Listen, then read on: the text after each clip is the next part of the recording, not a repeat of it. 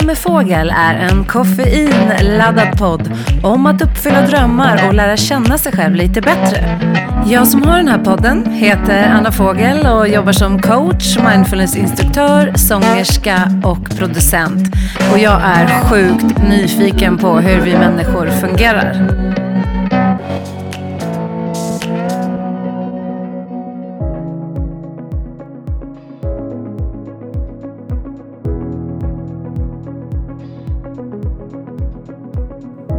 Dagens gäst i En kaffe med fågel är en jättespännande person, nämligen Elin Sundin.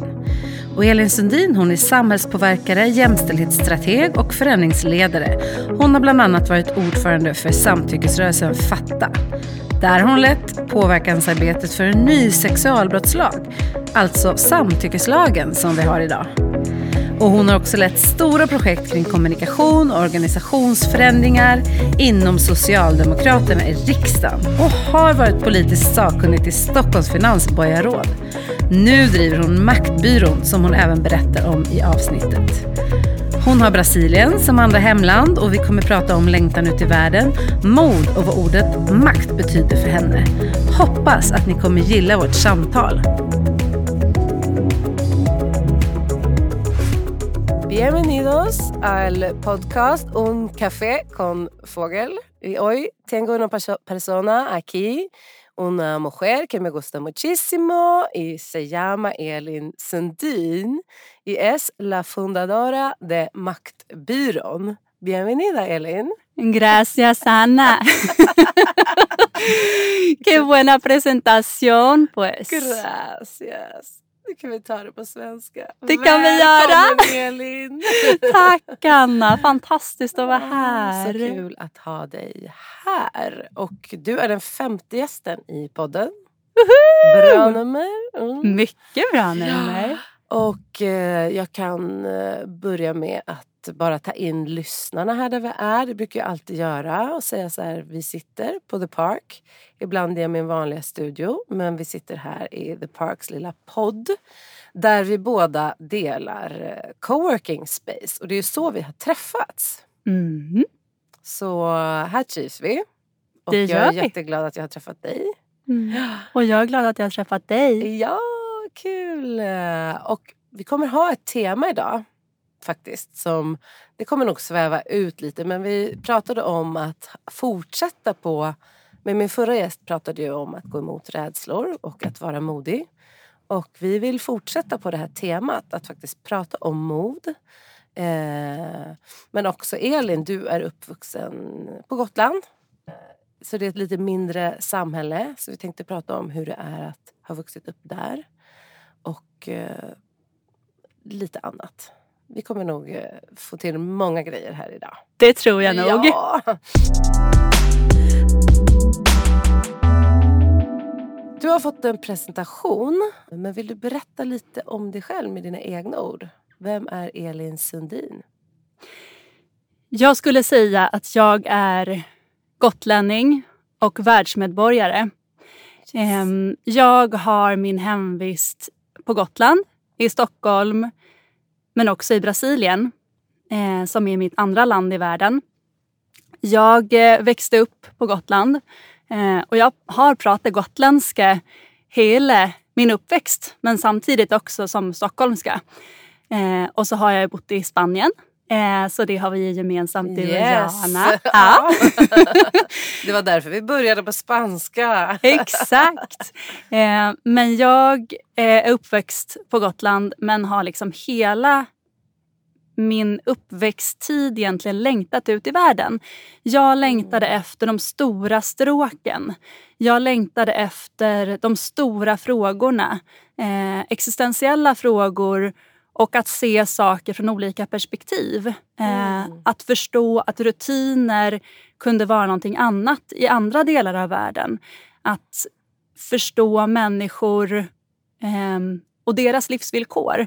Jag har alltid varit väldigt, väldigt nyfiken på människor, varför människor gör som de gör, varför människor lever som de gör, hur, hur det kan bli som det blir eh, utifrån ja, men så här, klass och kön och in, ja, olika intersektionella perspektiv. Liksom. Mm. Eh, etnicitet. Så att där jag ville, ja, men ända sedan jag var liten, alltså så tidigt som jag kan minnas, som kanske tioåring så var jag, så ville jag liksom ut eh, och se nya saker, uppleva nya saker. Mm, spännande. Så ända sedan du var liten har du längtat ut i världen. Mm. Ja. Och eh, minns du det första land du besökte som inte var Sverige? Jag tror att jag åkte till... men först var jag i Italien med mina föräldrar när jag var liten. Och Jag växte upp... Ja, men vi var ju medelklass, liksom, men vi gjorde inga utlandsresor. Utan Mina föräldrar har alltid levt enligt devisen att man ska göra en så bra vardag som möjligt. Mm. Eh, hellre, ja, men, hellre en, en, en bra vardag eh, en fest. Liksom.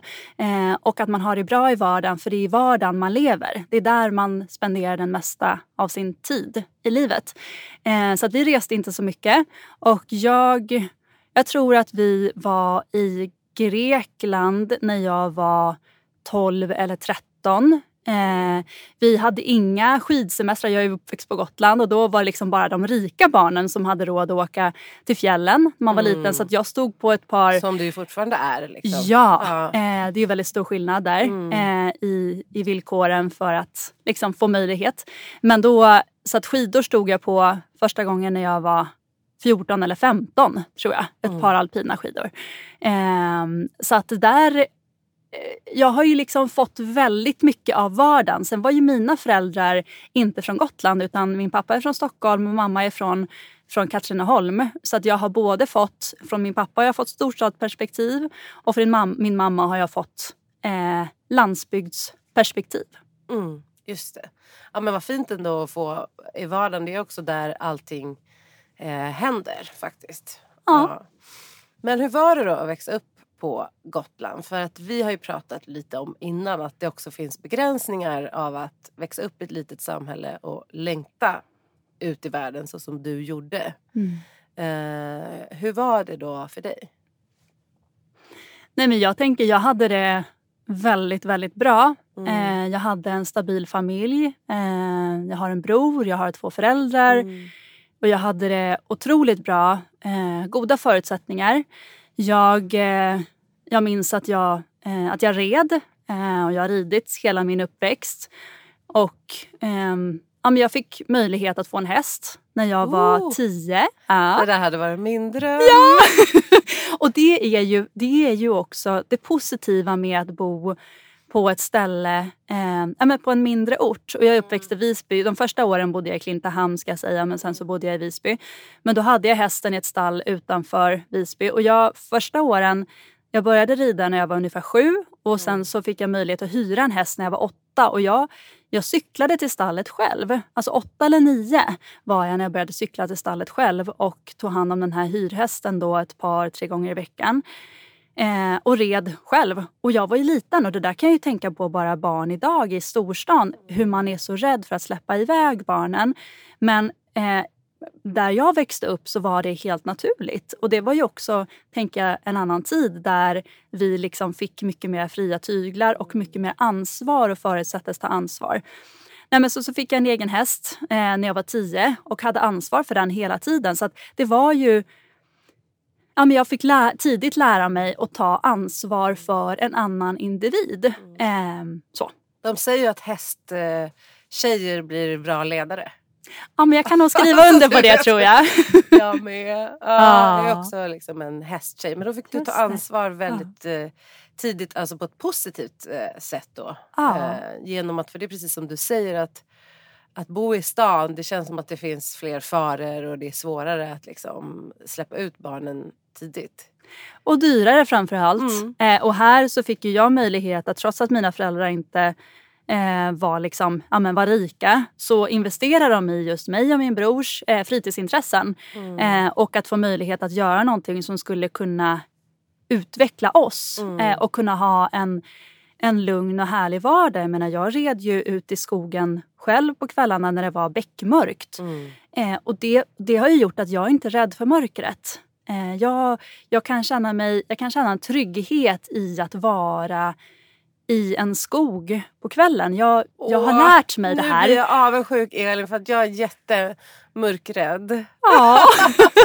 ja, men jag tror att det är fördelar också med att lära sig liksom. Ja. menar, att, att växa att upp. Bli vän med att mörkret. bli vän med mörkret. Ja. Och det finns ingen där. Och jag, jag kommer ihåg det att jag tänkte så här att om, om det är någon som kommer upp bredvid mig, ja, men jag galopperar iväg. Mm. Och jag har kontrollen. Mm. Jag har kontrollen mm. över mitt liv, över hästen, i, över den här situationen. Eh, jag lärde mig att vara ett med hästen, att vi behöver vara ett team och jobba tillsammans för att kunna ja, men, kunna ta oss runt eh, och ta ansvar för en individ. Och det, det är någonting som jag är otroligt tacksam över. För jag tänker att, ja, men, att bo här i Stockholm är ju det är helt andra förutsättningar. Och här, här är det liksom andra, andra förutsättningar som finns för våra barn när de mm. växer upp.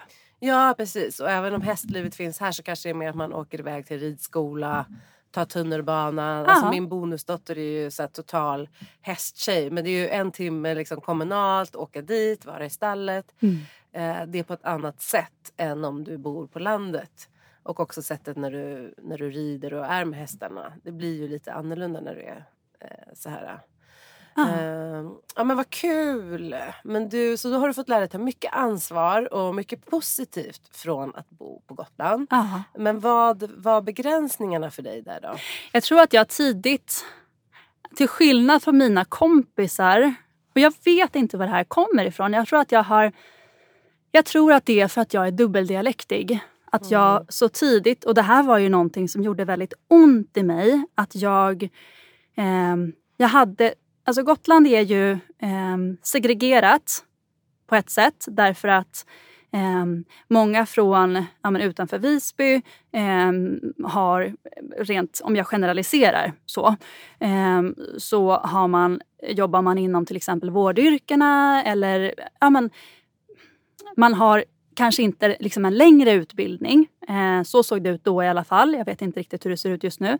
Vilket gjorde att man jobbade i Visby. Eh, eller flyttade in till Visby men bodde utanför murarna eh, om man är gotlänning. Och sen så innanför murarna, eh, innanför ringmuren i Visby, så bodde många eh, som hade flyttat från Stockholm för att ta olika typer av chefsjobb. Och det här skapade ju liksom en ekonomisk ojämställdhet men också en, en ojämlikhet i dialekt. Så att många som jag växte upp med eh, just i, ja, men, som jag gick i skola tillsammans med pratade eh, gotländska de första åren och sen så senare på högstadiet så var det både gotländska och stockholmska. Aha. Och eftersom jag har alltid bytt dialekt när jag mm. pratat med folk, då blev folk osäkra. Men vem är du? Det här också. Ja, ja men jag gör ju det. Och det är ju en naturlig del ja, av mig. Din identitet. Ja, ja, så folk har ju jätte... De hade ju, mina kompisar hade svårt att förstå. Men mm. vad är du? Är du gotlänning eller stockholmare? Nej, men jag är gotlänning. Men jag har två dialekter i mig och det har jag alltid haft. Mm. Jag har alltid pratat så här hemma och sen så gotländska med kompisar liksom, ute i samhället. Och det är ganska vanligt på Gotland att man byter. Men, men många blev osäkra och det här skapade också liksom en, en osäkerhet inom mig. Men vem är jag då? Ska jag, ska jag prata en dialekt och det här gjorde ju också... Eller kan man få vara liksom många saker? Ja, hur ska man kunna få vara mm. sig själv? Kan man få vara alla de här lagren? Men det lärde mig också att, ja, men att försvara mig själv. Mm. Eh, för det var ju också jag tänker att om man växer upp i en större stad så, så lär man sig antagligen tidigare att försvara sig. Mm. Men att växa upp på en liten ort, och där det var ganska, jag skulle säga att det var ganska oskyldigt och naivt därför att det, eh, det är ju liksom ett annat tempo. Just det. Och, eh, men då var jag tvungen att liksom lära mig att försvara mig själv och just skaffa mig integritet. Och det här var ju någonting som växte på mig. Just att ja, men jag kan vara både och. Men det som är det fina med två dialekter eh, det är ju att jag har haft också mycket lättare att lära mig språk. Eh, så att där när jag upptäckte liksom styrkan i, ja, men i dialekter så upptäckte jag också att ja, men wow, ja, men det här är ju så häftigt därför att jag kan ju vara precis det jag vill. Jag har mitt hjärta här, eh, mm. jag har mina, min familj här men språken är det som kan leda mig ut i världen och testa på nya saker. Eh, och också där språket blir liksom ett uttryck för kultur. För kultur menar jag alltså vilken typ av bakgrund man har. Eh, liksom vilken klassbakgrund man har eller eh, så. Så det, det, det, är ju också, språk är också ett uttryck, för där i språket så uttrycker vi ju saker eh, på olika sätt i vardagen beroende på vilken bakgrund vi har, vilka ord vi väljer att, att använda. Verkligen, och då har jag en fråga till dig. Om du pratar gotländska, stockholmska, eh, portugisiska, om det är Brasilien, eller spanska. Eh, upplever du att du, din personlighet förändras beroende på vilket språk du pratar? Eller känner du dig som samma? Personligheten förändras inte. Jag skulle Nej. säga när jag var yngre mm. så så kände jag att personligheten förändrades. Men idag så har jag integrerat alla de delarna i mig själv eh, i och med att jag har kommit så långt i livet så, med, med så mycket erfarenhet. ja, tack, ja, tack ja, vare livet. Ja. Eh, men så idag har jag integrerat de delarna så jag känner mig som samma person. Men, ehm, men visst, jag gestikulerar annorlunda, jag pratar annorlunda. Jag känner mig, jag får också andra känslouttryck. Eh, jag kan, intressant. Jag kan känna, när jag pratar portugisiska mm. så kan jag, eller spanska så kan jag känna på andra sätt. Jag kan använda andra ord, jag kan ta i. Mm. Men jag kan också känna en värme och en glädje på ett sätt som jag inte gör med svenskan till exempel.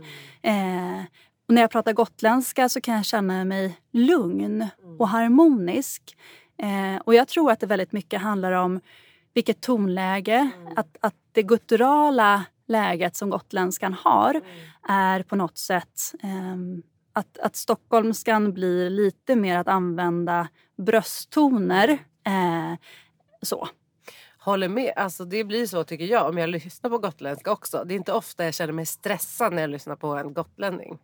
Men jag kan känna mig stressad om jag lyssnar på en stockholmare. Ja! alltså, nu är jag själv stockholmare men eh, jag tycker att det är så intressant det här med språk så det är därför jag frågar. Jag upplevde när jag bodde i Spanien, inte att jag ändrade personlighet men mm. att just så här, använda händerna mer helt plötsligt. Och, ah. Sen vet jag inte om det också är att jag inte helt behärskar språket så att jag mm. behöver eh, förstärka det förstärka också det. Mm. med vad jag menar. Liksom. Ja. Men det är superintressant. Mm. Hur länge bodde du i Spanien? Eh, olika omgångar. Jag drog ju direkt efter gymnasiet. För att jag hade... Nu är inte jag uppvuxen på Gotland. Eh, jag är uppvuxen i Solna och i Kista och det är ändå en förort till Stockholm. Mm. Eh, men jag kunde också känna mig lite begränsad och sådär. Så att jag ville ju åka direkt när jag gick ut gymnasiet. Så att jag flyttade till Spanien med 40 graders feber dagen efter min student. Oj! Ja, till Mallorca. ja. Hej då Sverige! Eh, nu vill jag uppleva någonting annat. Och mm. eh, bodde där till och från för att jag säsongsjobbade. Så att jag var ju hemma på terminerna men jobbade så april till september som dansare där. Uh, och så det var ju några år där, då var det på Mallorca. Men sen flyttade jag till Barcelona också några år senare och bodde där i typ ett halvår. Mm. Uh, ja. Så det har blivit mycket tid i Spanien. Och jag älskar Spanien mm. jättemycket. Mm. Mm. Tycker väldigt mycket om det landet och vill utforska det mer också. Mm. Jag var i Andalusien här för några år sedan och det hade jag inte varit innan i Cadiz. Mm. Det var också så fint. Så att, eh, det finns mycket kvar. Jag känner mig hemma i Spanien på många sätt. Härligt. Mm. Men är det inte härligt att ha ett andra land i världen som man hela tiden som man kan återkomma till? och som man... Jo, det är härligt och jag tycker att det är eh, det här att jag känner att Spanien blir alltid bra om jag ska åka någonstans så tänker jag, om jag inte vet vart jag ska åka, då åker jag till Spanien. Ja. där, där, blir det alltid bra. Liksom, ah. Ja, så det är ju toppen. Mm. Mm. Men när flyttade du ut i världen då, Elin? Men så här var det att mina kompisar, många av mina kompisar åkte på utbytesår efter ettan på gymnasiet. Mm. Eh, många av mina kompisar hade det ganska bra förspänt eh, ekonomiskt. Och eh, de åkte till USA och de åkte till Australien och de åkte till Sydafrika och Nya Zeeland. Ehm, men, men mina föräldrar, det fanns liksom aldrig på kartan att jag skulle kunna göra det. Så efter tvåan, ja, men under tvåan så kom jag på att ja, men jag kan faktiskt åka utomlands via EU-programkontoret, alltså en del av EU, så att man kunde få ett utbytesår, betalt utbytesår med CSN-stöd eh, tack vare EU. Och då kunde man åka till Tyskland, eller Frankrike eller Spanien Eh, och då pratade jag med min spansklärare och hon sa att ja, men Elin, ska du inte åka då Elin? Eh, och då sa jag att ja, men kan jag det? Kan jag prata spanska så pass bra? Nej men du lär dig. Och det här var ju det, här var det bästa jag har gjort. Um, så att jag var, jag var 18. Jag åkte i september för att skolåret börjar sent i Spanien. Jag åkte till Zaragoza och jag bodde i eh, en familj Um, och sen var den första familjen jag bodde i inte alls bra. De hade accepterat mig för pengarnas skull. Och de, eh, mamman var väldigt trevlig men pappan var fruktansvärt otrevlig. Men Gud. Så att jag var tvungen mm. att flytta därifrån och jag grinade i princip varje kväll. För det första för att jag var utlänning och inte kunde, jag kunde inte uttrycka mig. Nej, och de eh, kunde inte engelska då? De kunde inte engelska eh, och stora systern i familjen var otrevlig. Jag kommer ihåg första kvällen som jag som jag var där eh, så skulle stora systern i familjen som var lika gammal som jag hon skulle ta med mig ut och vi skulle hänga med henne och hennes kompisar. Mm. Och jag som hade ridit och liksom, ja, men jag skulle inte säga att jag var präktig men jag, jag var liksom ja, men så här, duktig, ansvarstagande men ändå så här, ja, men jag gillade att festa också mm. såklart. Men eh, då tog hon med mig och då gick vi ner i en källare och sen så satt hon och hennes kompisar och rökte på och spelade kort. Och jag kände mig så fruktansvärt jag kände att vad är det här för någonting?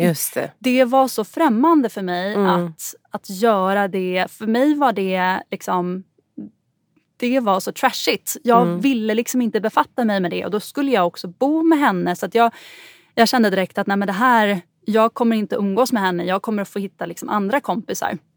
Och att vara ja, men 18, visserligen vuxen, är liksom myndig så. Mm. Men att vara en helt ny kontext eh, med, ett helt, med ett språk där jag bara kunde säga vad jag hette satte mig i en sån utsatt situation. Um, så så att efter ett tag, jag harvade på där och läste liksom, och gick på gymnasiet och sen så gick jag i humanistisk klass som jag hade gjort hemma i Sverige. Och eh, jag läste latin och jag läste allting och allting var på spanska. Det var långa dagar i skolan och jag satt där och lyssnade och lärde mig. Ehm, men det var ju en utmaning. Och sen så försökte jag hitta olika aktiviteter på mm. fritiden. Men det var en otrolig utmaning som så ung att vara ja, men, i ett helt nytt land, inte med några eh, vänner alls sen tidigare, inte med familj. Och jag sa till mig själv att jag ska inte åka hem. Jag ska göra det här nu. Bra! Så, du bara bestämde dig för att grit. Jag Håll bara ut. grit. Ja. Du, du skulle hålla ut och vara kvar. Ja. Och vad lärde du dig av det då? För det första så åkte jag hem över nyår för att fira nyår med mina kompisar. Och när jag kom tillbaka så visste jag att jag skulle få bo hos en lärare och hennes familj en vecka och sen så skulle jag flytta någon annanstans. Och då kom jag till en, en ny lärare. Jag lärde mig att hålla ut. Mm. Eh, och det var, jag var ju, det var ju ett mod som hade tagit mig. Jag kunde inte, man pratade inte engelska, man pratade spanska. Jag ville göra någonting helt nytt som ingen gjorde.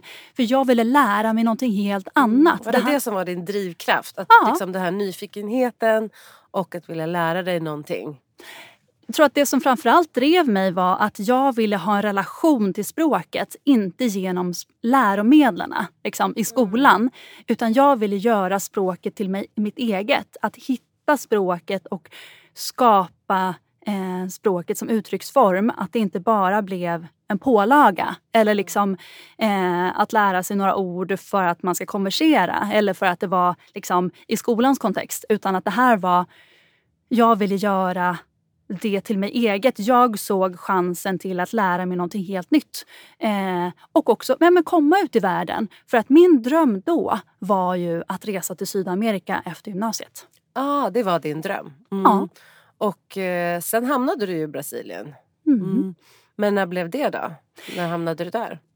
När jag bodde i Spanien så, så var jag i Barcelona eh, med en kompis en helg. Och eh, i en stadsdel så eh, var det en colombiansk tjej som jobbade i en butik. Och eh, det, vi blev så goda vänner. Vi blev så otroligt ja. goda vänner. I Spanien? I Spanien. Ja. Eh, så vi, vi eh, åkte och träffades och liksom hängde och umgicks. Och jag hade ju liksom också... Jag hade, från Colombia, för där hade jag ju också mycket lärt mig om Colombia tidigare för jag hade liksom vänner som var adopterade från Colombia så att jag hade liksom läst mycket. Eh, om Colombia eh, och var otroligt fascinerad av men både, jag har liksom alltid varit intresserad av politik så att mm. eh, jag hade läst mycket om det politiska läget, om eh, hur det eh, med gerillan och just paramilitärerna, eh, drogkarteller. Jag försökte förstå hur kan man leva ett liv. Och då eh, var hon därifrån och, eh, ehm, och då bestämde jag mig för att men jag ska åka till Colombia efter ja, gymnasiet. Ja. För att hon skulle flytta tillbaka till Colombia. Så det var där du skulle börja i Latinamerika? Colombia? Det var där yes. jag skulle börja. Mm. Men det blev ju inte så. Nej. Livet blir alltid, inte alltid exakt Nej. som vi planerar. Nej, och vad blev det där istället? När jag kom tillbaka till Sverige eh, så det fanns ju så resesidor, jag kommer inte ihåg vad det heter, men det fanns ju liksom olika webbsidor för de som ville hitta resekompisar. Mm. Jag kommer ihåg att webbsidan var gul, jag kommer inte ihåg vad den hette nu. Mm. Men ehm, det är gul hemsida. Ja det var en gul hemsida. ja men du vet det var så här, det var på en helt andra, det var liksom helt, nivå. andra, ja, helt annan nivå, helt andra URL. Eh, men det var mycket forum och det var liksom mm. efter Lunarstorm och man Just satt och det. pratade på MSN Messenger mm. och sådär. Eh, och då träffade jag en tjej eh, som heter Angelica och vi, vi träffades, eh, för hon är från Dalarna och vi träffades fysiskt och vi bestämde oss för för hon ville åka till Brasilien. Yes. Och eh, då, då tänkte jag så här att ja, men jag börjar i Brasilien och sen så reser jag vidare till Colombia. Eh, så vi bestämde oss för att hyra en lägenhet och det här skulle vara då på hösten eh, ja, men när jag hade gått ut liksom, trean på gymnasiet så ville jag åka direkt. Och jag ville åka dit och jag visste liksom inte vad ska jag göra där. Men, men jag ville ha någonstans och liksom utgå ifrån. Så då hyrde vi en lägenhet eh, i, i en stad som heter Salvador i Bahia i nordöstra Brasilien. Jag kunde ingen portugisiska men jag tänkte det att ah, men jag kan ju spanska mm. så då kommer det bli lätt för mig att lära mig portugisiska. Eh, sagt och gjort. Så att vi åkte dit eh, och vi hyrde den där lägenheten och sen efter någon månad eh, så började jag att ja, men, prata lite mer med folk på, på, liksom, på dagarna. Och sen så började jag och eh, ja, men så hade jag en textbok, en, eller en grammatikbok på portugisiska som jag läste i på kvällarna. Och sen så ville jag göra någonting. Så då sa jag det att ja, men hur ska jag göra? Ska jag plugga eller vad ska jag göra? Eh, och vi hängde runt och vi liksom surfade och jag gick med någon surfkurs och sådär. Mm. Men du kom dit utan plan eh, exakt ja. på vad du skulle göra eller? Ja. ja det är ju modigt. Ja. ja. ja. Du är modig Elin. Ja, men jag är nog modig ja. tror jag. Ja. Vi ska gå in ehm. på det mer, mer sen, det här med mod. Men eh, vad spännande. Så du kom utan plan och sen så ville du hitta på någonting att göra då? Och då så fick jag reda på att det fanns en eh, NGO eh, som jobbade med barn och de behövde hjälp med någon som kunde engelska. Mm. Eh, så då så signade jag upp för ett volontärsuppdrag och det är en fantastisk verksamhet eh, som jobbar med barn som har bott på gatan tidigare men flyttat hem till sina familjer. Eh, flickorna har ofta varit, eh, levt i utsatthet för prostitution och pojkarna har eh, sålt droger på gatan. Eh, och de, då har man någon slags fritidsverksamhet efter skolan eller innan skolan. Eh, och då fanns jag med i den, där, i den verksamheten och stöttade upp så gott jag kunde. Det är en kulturell verksamhet som man jobbade mycket med sång och dans eh, och ja, men, psykosocial verksamhet. Så då, och då började jag ja, men, hålla lite undervisning i engelska. Eh, därför att det är ju också, i den brasilianska skolan så är den engelsk, engelskundervisningen väldigt undermålig. Eh, och också prata med, med barnen utifrån, ja, men hur kan man prata med människor som inte är härifrån? Eh, när ni är ute på gatan, hur, hur kan ni kommunicera? Eh, och de här barnen, många av dem var ju traumatiserade och många, särskilt av pojkarna, hade varit tvungna att växa upp väldigt, väldigt tidigt och ta eget ansvar. Så många, eh, så trots att de var 13 så såg ju de sig själva som, som 20-åring mm. nästan. Eh, men att just ha det här mötet med dem. Jag lärde mig så otroligt mycket av de här barnen. Eh, det var väldigt, väldigt, väldigt fina möten. Mm. Ja, barn kan vara de bästa läromästarna också för oss vuxna. Faktiskt. Verkligen. Ens egna barn också, tycker jag. Mm. Det känns som att du alltid har haft ett samhällsengagemang. Eh, kan du minnas när det började? Dels så tror jag att jag har fått det från mina föräldrar eh, för att de har alltid varit politiskt och fackligt engagerade. Mm. Men så vi har alltid pratat samhällsfrågor hemma. Men jag ägnade mig väldigt mycket åt hästarna där ett tag. Mm. Så. ja. Jag hängde i stallet ja. och du vet red och sen så hela helgerna var jag hos hästarna mm. och tävlade i både hoppning och dressyr och mm. höll på. Um, men jag skulle säga att det började ordentligt, ja, men kanske sista året när jag var 12. Mm. Och sen så när jag var 13 så fick jag upp ögonen för, ja, men för jämställdhet och för feministiska mm. frågor. Var det någon um, speciell händelse då eller bara märkte du överlag hur det såg ut i skolan eller hur, hur, hur, hur märkte du det? Ja, men min kompis, eh, en av mina närmaste kompisar hade fått sitt namn uppklottrat på eh, skolans toaletter i samband med ordet hora. Mm. Eh, och jag vill ju förstå det här. Varför var det på det här sättet? Att hon blev utmålad och stämplad som slampig. Mm. och eh, det var, det var så fruktansvärt. Och jag tror att det här växte just så att ja, men hur kan det vara så att vissa, att killarna får göra precis vad de vill men att tjejerna måste hela tiden, eh, ja, men måste hela tiden balansera på en väldigt, väldigt smal linje mellan att vara ja, men hora och madonna. Det var inte de orden jag använde då. Nej, men, men... Så antingen så är man för präktig eh, och tråkig eller så är man för utlevande. Eh, yes, det är svårt att göra rätt. Ja. ja det är det. Det är väldigt svårt att göra rätt för att man hela tiden är också ett objekt ja. i liksom andras mm. ögon. Mm. Eh, men just det här att hur ska jag göra? Men jag var ju inte den modigaste, jag var inte den mest vältalige. Jag var otroligt blyg när jag var liten. Otroligt blyg. Eh, och blev, ja men, liksom, blev röd i ansiktet så fort någon pratade med mig. Så att för mig har det ju, jag har ju hela tiden upplevt att jag vill, jag vill spränga gränser för vad som är möjligt. Och det här tycker jag är intressant för det här kan man också skicka med till lyssnarna lite som vi pratade om i förra avsnittet när vi pratade om mod också. Att just det här, du var väldigt blyg. Jag tror att ibland när man ser människor, om man ser dig, så tänker man så här, åh det här är en jätteextrovert eh, person som aldrig har varit blyg i hela sitt liv. Och, och det har säkert varit jättenaturligt att prata inför människor och ta plats och sådär. För att du, nu tar du ju mycket plats mm. i det offentliga och pratar och står för din åsikt och sådana saker. Så det är så viktigt att få med sig det här, den där resan. Du ville spränga gränser, det var din drivkraft. Mm. Eh, men hur gjorde du det?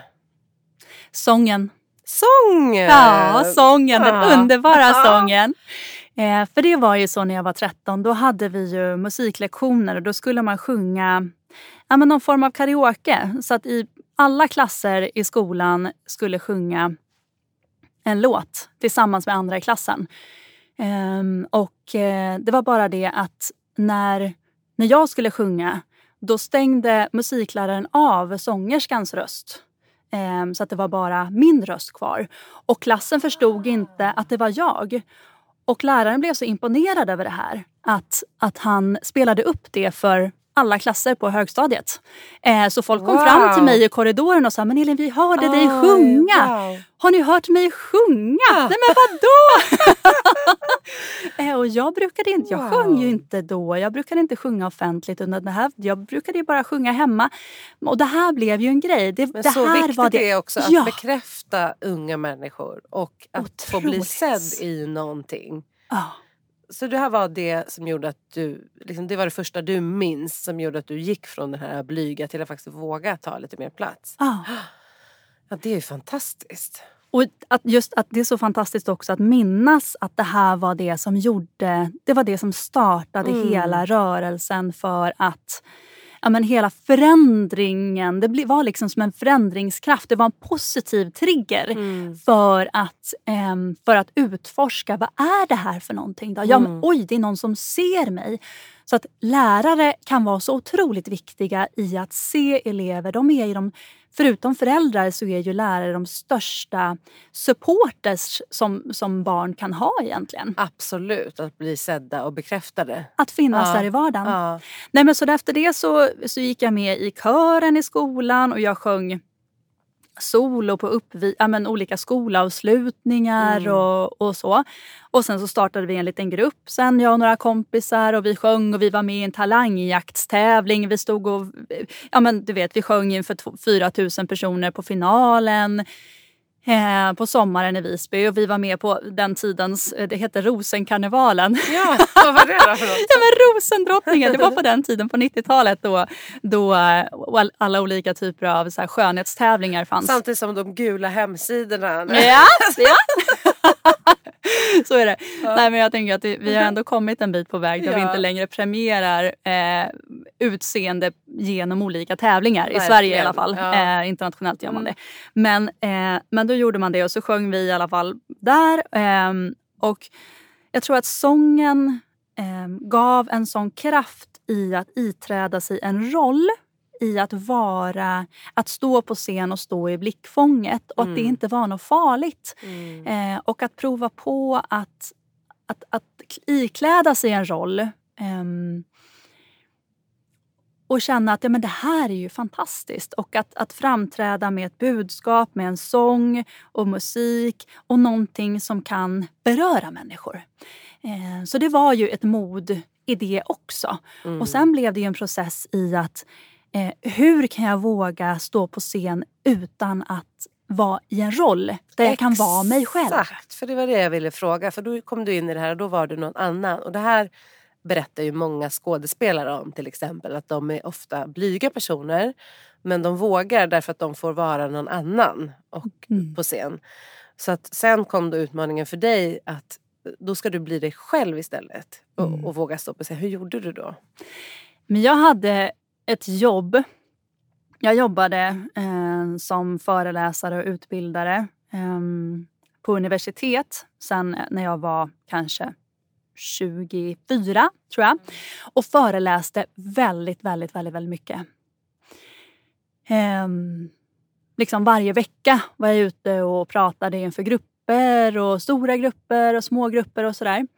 Och utmanade mig själv och där hade jag ju ett budskap som var förberett och där jag stod för en organisation. För det är ju också skillnad ja, men, både i det här att ikläda sig en roll, att vara skådespelare eller sjunga, men där, där man inte behöver vara sig själv. Och sen att företräda en organisation, men också att och skillnaden också mellan att företräda sig själv. För det är också väldigt vanligt just nu, just med Instagram, att många uttalar sina egna åsikter men mm. de har egentligen ingen organisation att falla tillbaka på vilket gör att eh, det är ju en trygghet att ha en organisation, att man är flera stycken mm. som backar upp en. Mm. Eh, antingen ens jobb eller om man är vald till att företräda en organisation till exempel. Men jag hade ju också börjat engagera mig politiskt tidigare, några år tidigare. Och eh, i politiken så, så tränar man just väldigt mycket på att argumentera eh, för sin åsikt och eh, olika typer av belägg för varför det här är det bästa alternativet och varför det här är det bästa förslaget. Mm, och träna på att lägga fram kan jag tänka mig mycket så sakliga argument och mm. Precis, att du vässar dina argument väldigt mycket när du jobbar inom politik. Absolut. Ja. absolut. Mm. Nej, men så att jag tror att mod eh, för mig har varit en drivkraft för att det handlar om självständighet. Mm. Eh, det handlar om att vara, att, att kontrollera sig själv, att ha kollektivet eller gruppen eller människor runt omkring eh, som nätverk, som supporters. Att finnas där i ett nätverk, att vara flera stycken som alltid finns där. Att mm. ha den tryggheten och veta att det finns en trygghet och kärlek i grunden oavsett om det är familj eller vänner.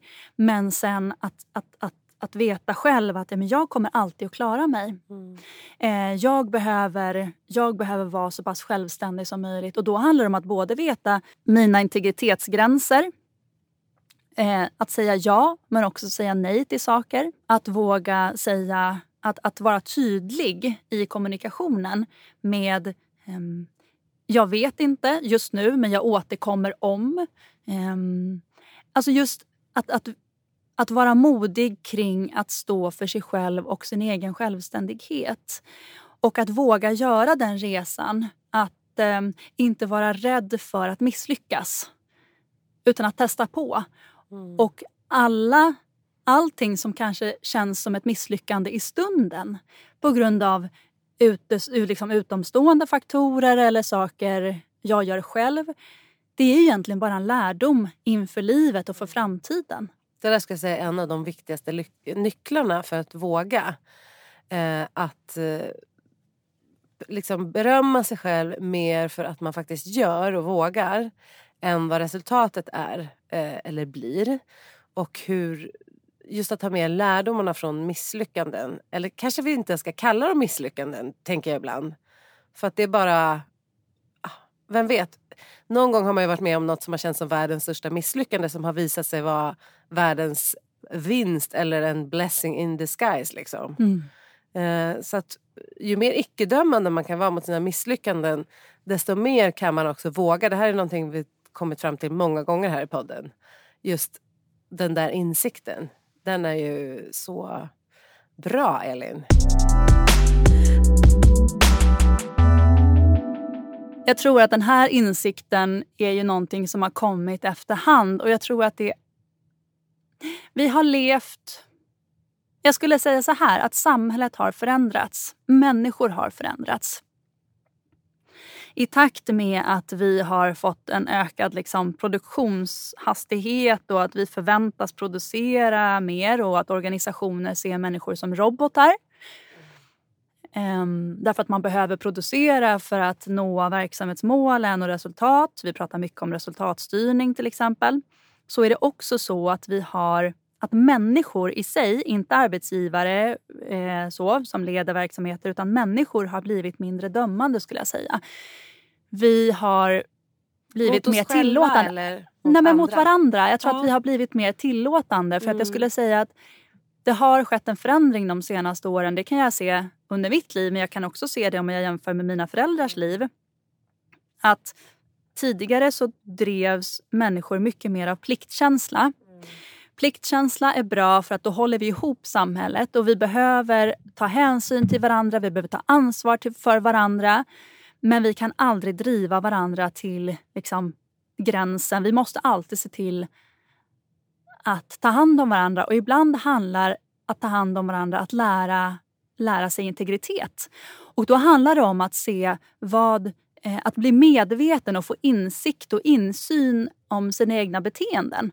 Eh, vad är det jag gör? Och att just vara snäll mot sig själv. Mm. Att om det blir fel, alltså det är bättre att misslyckas än att inte ens våga mm. testa.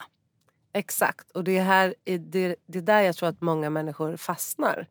Tyvärr. För att eh, vi har en perfektionistisk bild eller alldeles för höga krav på oss själva så att det gör att vi inte ens vågar försöka. Och det är så himla sorgligt. Och det är också lite min mission med hela den här podden. Är att fler människor ska våga. Mm. Eh, prova och våga. Och ibland är det så här, det är bara våra egna katastroftankar också. Ja. Eh, som spökar. Eh, det vi oroar oss för kommer troligtvis inte ens hända. Och ibland kan man också tänka så här, vad är det värsta som kan hända då? Ja. Vad är det värsta som kan hända om jag tappar bort mig på en föreläsning? Och ja, vad är det bästa någon, som kan hända? Ja, exakt. Mm. exakt. Så att det där är jag helt med på. Att man ska bara våga mer och just vara snäll mot sig själv om man råkar göra fel. För det är så otroligt mänskligt att göra det. Ja men det är ju det. Och, och, att, att fela, det som du ser som ett fel kan ju vara någonting som någon annan ser som helt fantastiskt. Exakt. Till exempel mm. är det ju, ja, men det är ju också mm. ett retoriskt trick att eh, inleda en föreläsning med att bara vara tyst. Mm. Exakt. Och vad händer när man är tyst lite för länge? För det vet jag att Sissela Kyle använder ju sitt till exempel sommarprat. Ja, sina ja! konstpauser. konstpauser. Mm. Eh, och människor blir eh, obekväma mm. av tystnad. Men det är också någonting som kan vara otroligt effektfullt. Så det som du ser som... Eh, det handlar också om att vända eh, vända olika skeenden eller situationer till någonting som skapar spänning och äventyr och någon som, som, liksom, som, som, som förändrar situationen till någonting bättre. Eh, som också gör att vi människor, om vi kan vara såna ledare som gör att vardagen blir lite mer spännande. Eh, och vi bidrar till sammanhållning och vi bidrar till att göra, göra det där lilla, lilla extra. Då tror jag att, att det just att det är inte ett misslyckande att göra fel utan det kan snarare vara något positivt både för gruppen men också för sig själv. Om man inte liksom misslyckas kapitalt. Men då kan det vara så till exempel om man misslyckas eh, om man säger någonting eh, lite felaktigt i media till exempel så, skulle, så kan ju det det brukar ofta rinna ut i sanden mm. eller om man faktiskt går ut och säger ja, det där var inte det bästa jag har sagt.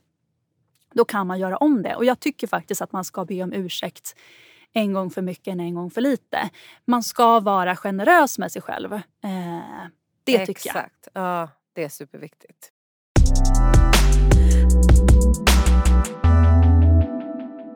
Ja men du lever ditt liv väldigt eh, modigt. Det har vi ju hört nu. Och eh, ditt samhällsengagemang. Jag skulle vilja komma in på det lite. För att Du har varit ordförande i Fatta till exempel. Du har jobbat mm. inom politiken. Men nu är ju du faktiskt egen och ah. driver Maktbyrån. Mm. Så berätta om Maktbyrån. Maktbyrån började som eh, en idé där jag, jag kände att jag vill jag vill bidra med någonting till att organisationer ska snappa upp sitt samhällsengagemang. Eh, där man ska eh, bli samhällsaktörer. Där man ska se potentialen i att den verksamheten man har oavsett om man finns i privat eller offentlig eller ja, eh, vilken, vilken del man finns vilken bransch man finns i, vilken del av samhället så ska man inse att man, att man har en potential att faktiskt förbättra samhället. Mm. Eh, och skapa en skillnad, göra en, en samhällsskillnad. Och eh, det handlar ju väldigt mycket om ledarskapet. Så att Maktbyrån utgår från tanken att makt skapar förändring. Just det. Mm. Mm. Eh, och, då, och då är det liksom eh, då är det makten, då handlar det om att makt behöver fördelas. Mm. Och vi behöver skapa inkludering. Mm. Eh, och att makt handlar väldigt mycket om egen makt. Men också att dela med sig av makt. Och makt kan vara kunskap, det kan vara eh, olika resurser. Eh, mm. Kunskap, eh, nätverk. Eh, det behöver inte bara handla om pengar. Nej. Eller, eh, Nej, för makt kan ju vara ett sånt ord som klingar negativt för vissa. Mm. Eh, men eh, som du säger, alltså att, att makt betyder inte bara att sitta på pengarna. Makt kan också betyda att sitta på kunskapen och kunna dela med sig av den och att ta ett större ansvar om du nu sitter på mycket makt. Att mm. Vad mycket fantastiskt man kan göra med den makten. Mm. Mm. Och makt är ju dynamiskt. Mm. Makt är kontextuellt, det vill säga att det är situationsbetonat. Makt är relationellt, eh, så det handlar om vilka i relation till vad. Alla har vi makt på olika sätt. Eh, så att vi kan sitta på mycket makt i vissa situationer och mindre makt i andra situationer. Så det handlar om att se sig själv i relation till andra människor för att se hur kan jag göra för att förbättra eh, klimatet i den här gruppen eller för att göra en förflyttning. Så att alla känner sig, eh, känner, att, känner sig empowered och känner att alla har större egenmakt. För att egenmakt har också väldigt stor betydelse för eh, livskvalitet eh, men också för hur väl man kan utföra sitt arbete. Eh, så det handlar ju om att känna att jag har kontroll över mitt liv. Jag har kontroll över det jag gör. Eh, jag, kan, jag kan påverka eh, min situation. Och det är klart om man befinner sig i, i en livssituation där man känner att ja, men, allt för mycket är styrt utifrån. Det är mycket som jag inte kan kontrollera, det är mycket som jag inte kan styra. Men då gäller det att få syn på vad kan jag förändra?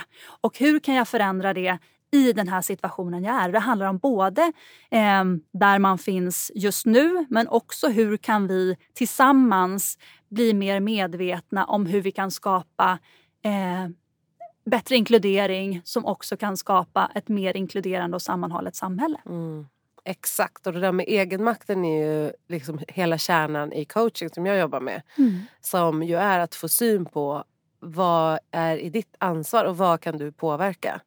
För att eh, det är inte så lätt att jobba med det man inte kan påverka och det är lätt att känna sig så otroligt maktlös. Alltså både inom en arbetsplats men också privat. Och många utmattningar så till exempel kommer ju av att människor känner att de har mycket ansvar men ingen makt.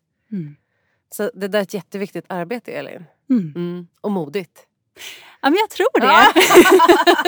och jag har ju som sagt, ja, och som sagt, jag ser ju möjligheten. Alltså jag vill ju, jag, har, jag kommer att föreläsa en del framöver eh, om ledarskapet efter metoo till exempel. Mm.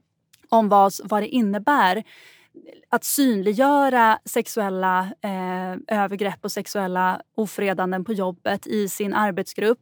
Att stötta de som blir utsatta, men också att leda, att göra en förändring. Att hjälpa de som faktiskt utsätter och säga så här, men du kanske behöver du kanske behöver hjälp till det här. Eh, att göra en förflyttning. Att inte bara säga att Nej, men vi flyttar på dig, vi omplacerar dig. Utan att säga att ja, men, behöver du företagshälsovård till exempel? Behöver du eh, KBT för att ändra sättet som du, eh, som du beter dig för att du diskriminerar dina ja, men, kanske kvinnliga kollegor till exempel. Eh, behöver, du, behöver du hjälp till det här så, så stöttar vi upp. Så att jag tänker att det finns så mycket man kan man kan göra för att få syn på sig själv men också för att kunna eh, bidra till en förändring eh, i organisationen eller för andra. Mm, och det här låter som någonting som alla organisationer faktiskt skulle behöva. Eh, för nu gör jag lite reklam för dig Elin, för det är min podd så att jag får göra hur mycket reklam jag vill. Men att, att eh, även att jobba förebyggande tänker jag just från metoo, för de här strukturerna finns ju. Eh, och, och, normer och manlighetsnormer och hur man ska vara. Och som vi såg under metoo så är det ju alla i alla branscher. Mm. Eh, faktiskt. Så, Så att eh, det här är ju någonting som även om man inte tycker att man har problem tänker jag att det är någonting man ska, precis som med andra saker, jobba förebyggande med. Mm. Eller hur? Absolut, och det är, ju, det är ju ett strukturellt problem. Vi har, vi har utmaningar med att det finns skillnad i jag menar, män som grupp har mer makt än kvinnor som grupp till exempel. Mm. Eh, både socialt, juridiskt, ekonomiskt. Eh, det har skett små skillnader men vi kan också se en delvis en backlash. Mm. Eh, och här behövs fortsatta förändringar och mm. att varje organisation, att politiken tar ansvar men att varje arbetsgivare tar ansvar. Ehm, det behövs en förändring. Och jag var ju ordförande för Författa. Yes.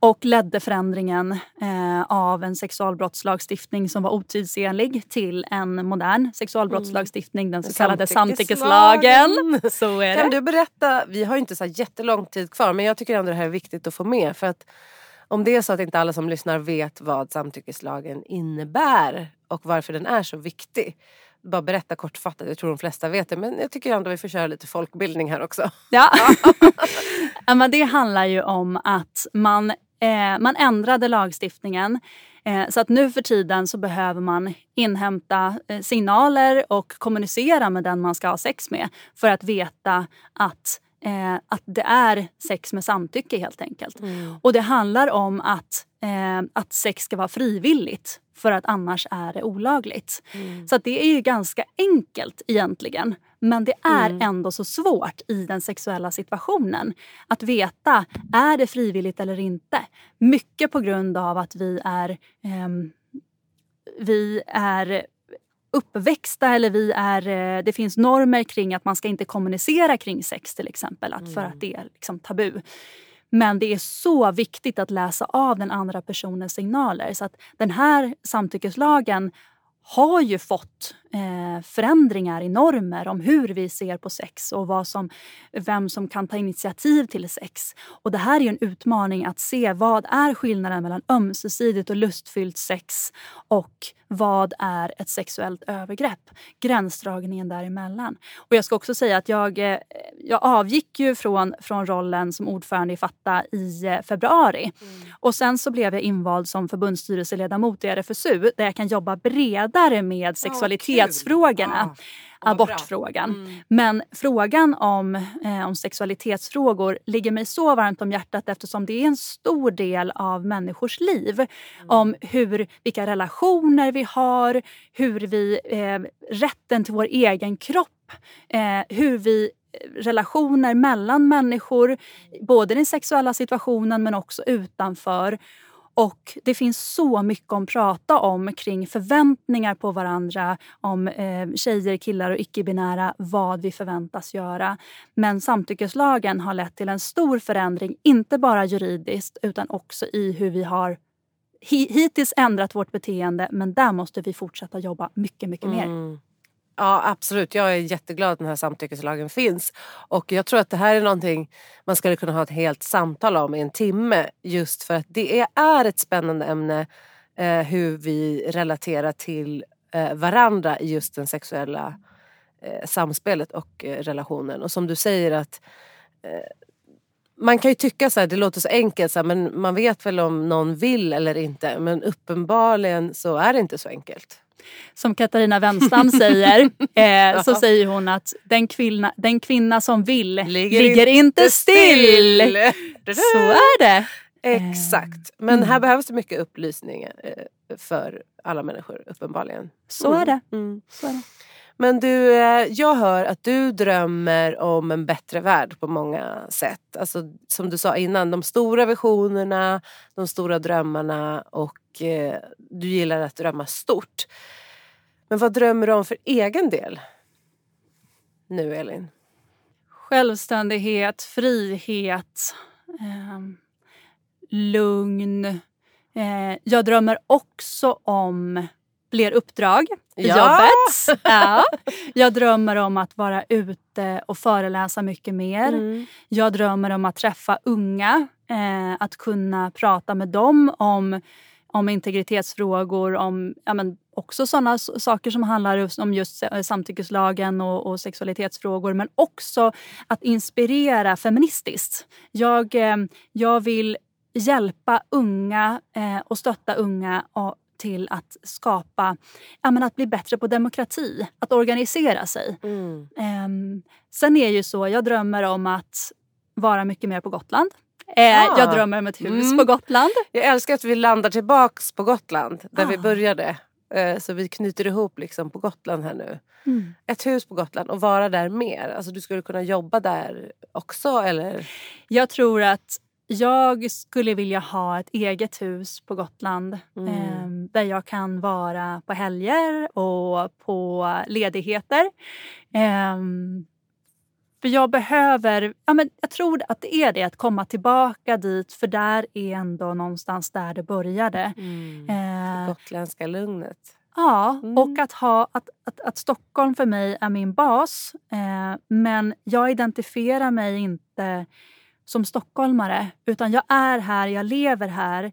Men, eh, men jag kan också ha olika delar. Därför mm. att det är, för mig är det i rörelsen det sker.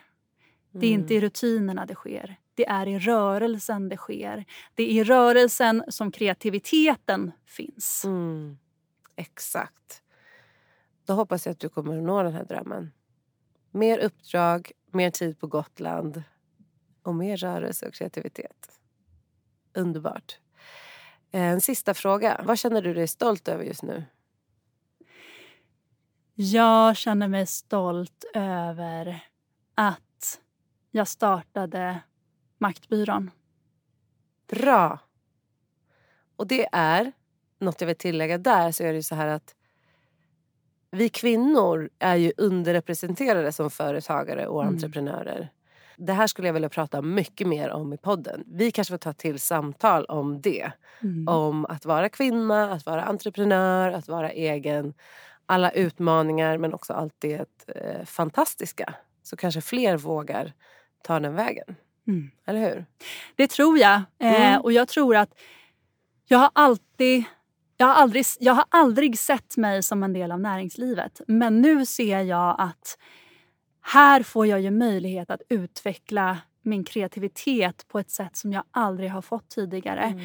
Att göra saker, att skapa någonting mm. från grunden och också möjlighet att, att leva på det. Mm. Eh, det är hårt jobb.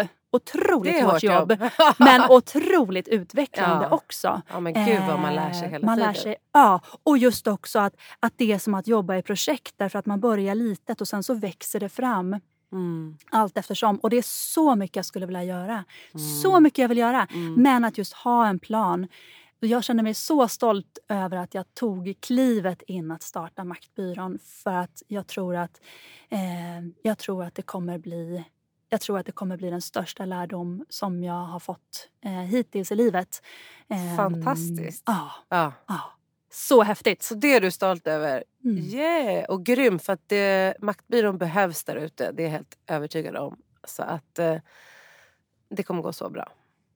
Tack. Mm. Mm. Och eh, var hittar lyssnarna dig om de vill följa dig eller hänga med i vad du gör på Maktbyrån? Hur kan de hitta dig i den digitala sfären? Framförallt på LinkedIn mm. men också på Instagram mm. under Maktbyrån. Där brukar jag berätta om vad jag pysslar med och vad som är på G. Och där får man jättegärna skriva eh, till Maktbyrån och fråga saker och föreslå saker. Eh, Kul! Mm. Ja, perfekt. Då vill jag ju såklart tacka dig Elin. Eh, som vanligt med mina gäster så vill jag gärna prata i två timmar men det kan jag inte göra för då blir det för långt. Så tack för att du har kommit hit och tack för allt du gör för att förändra samhället till det bättre. Eh, det är helt otroligt att höra om din resa. Så tack så hemskt mycket. Tack Anna för att jag fick vara med i podden ja. och för ett fantastiskt samtal. Ja. Eh, jag är så glad över att den, det du gör, den verksamhet du bedriver och eh, det här var det, det, här var ett fantastiskt samtal. Hoppas ni lyssnare också tycker det. Ja, det hoppas vi. Så vi tackar er som har lyssnat också. Och så säger vi... Eh, nu måste vi ta det på spanska, Elin. Adios. Adios. Amigos. Hasta la próxima. Hasta la próxima. Ciao. Ciao.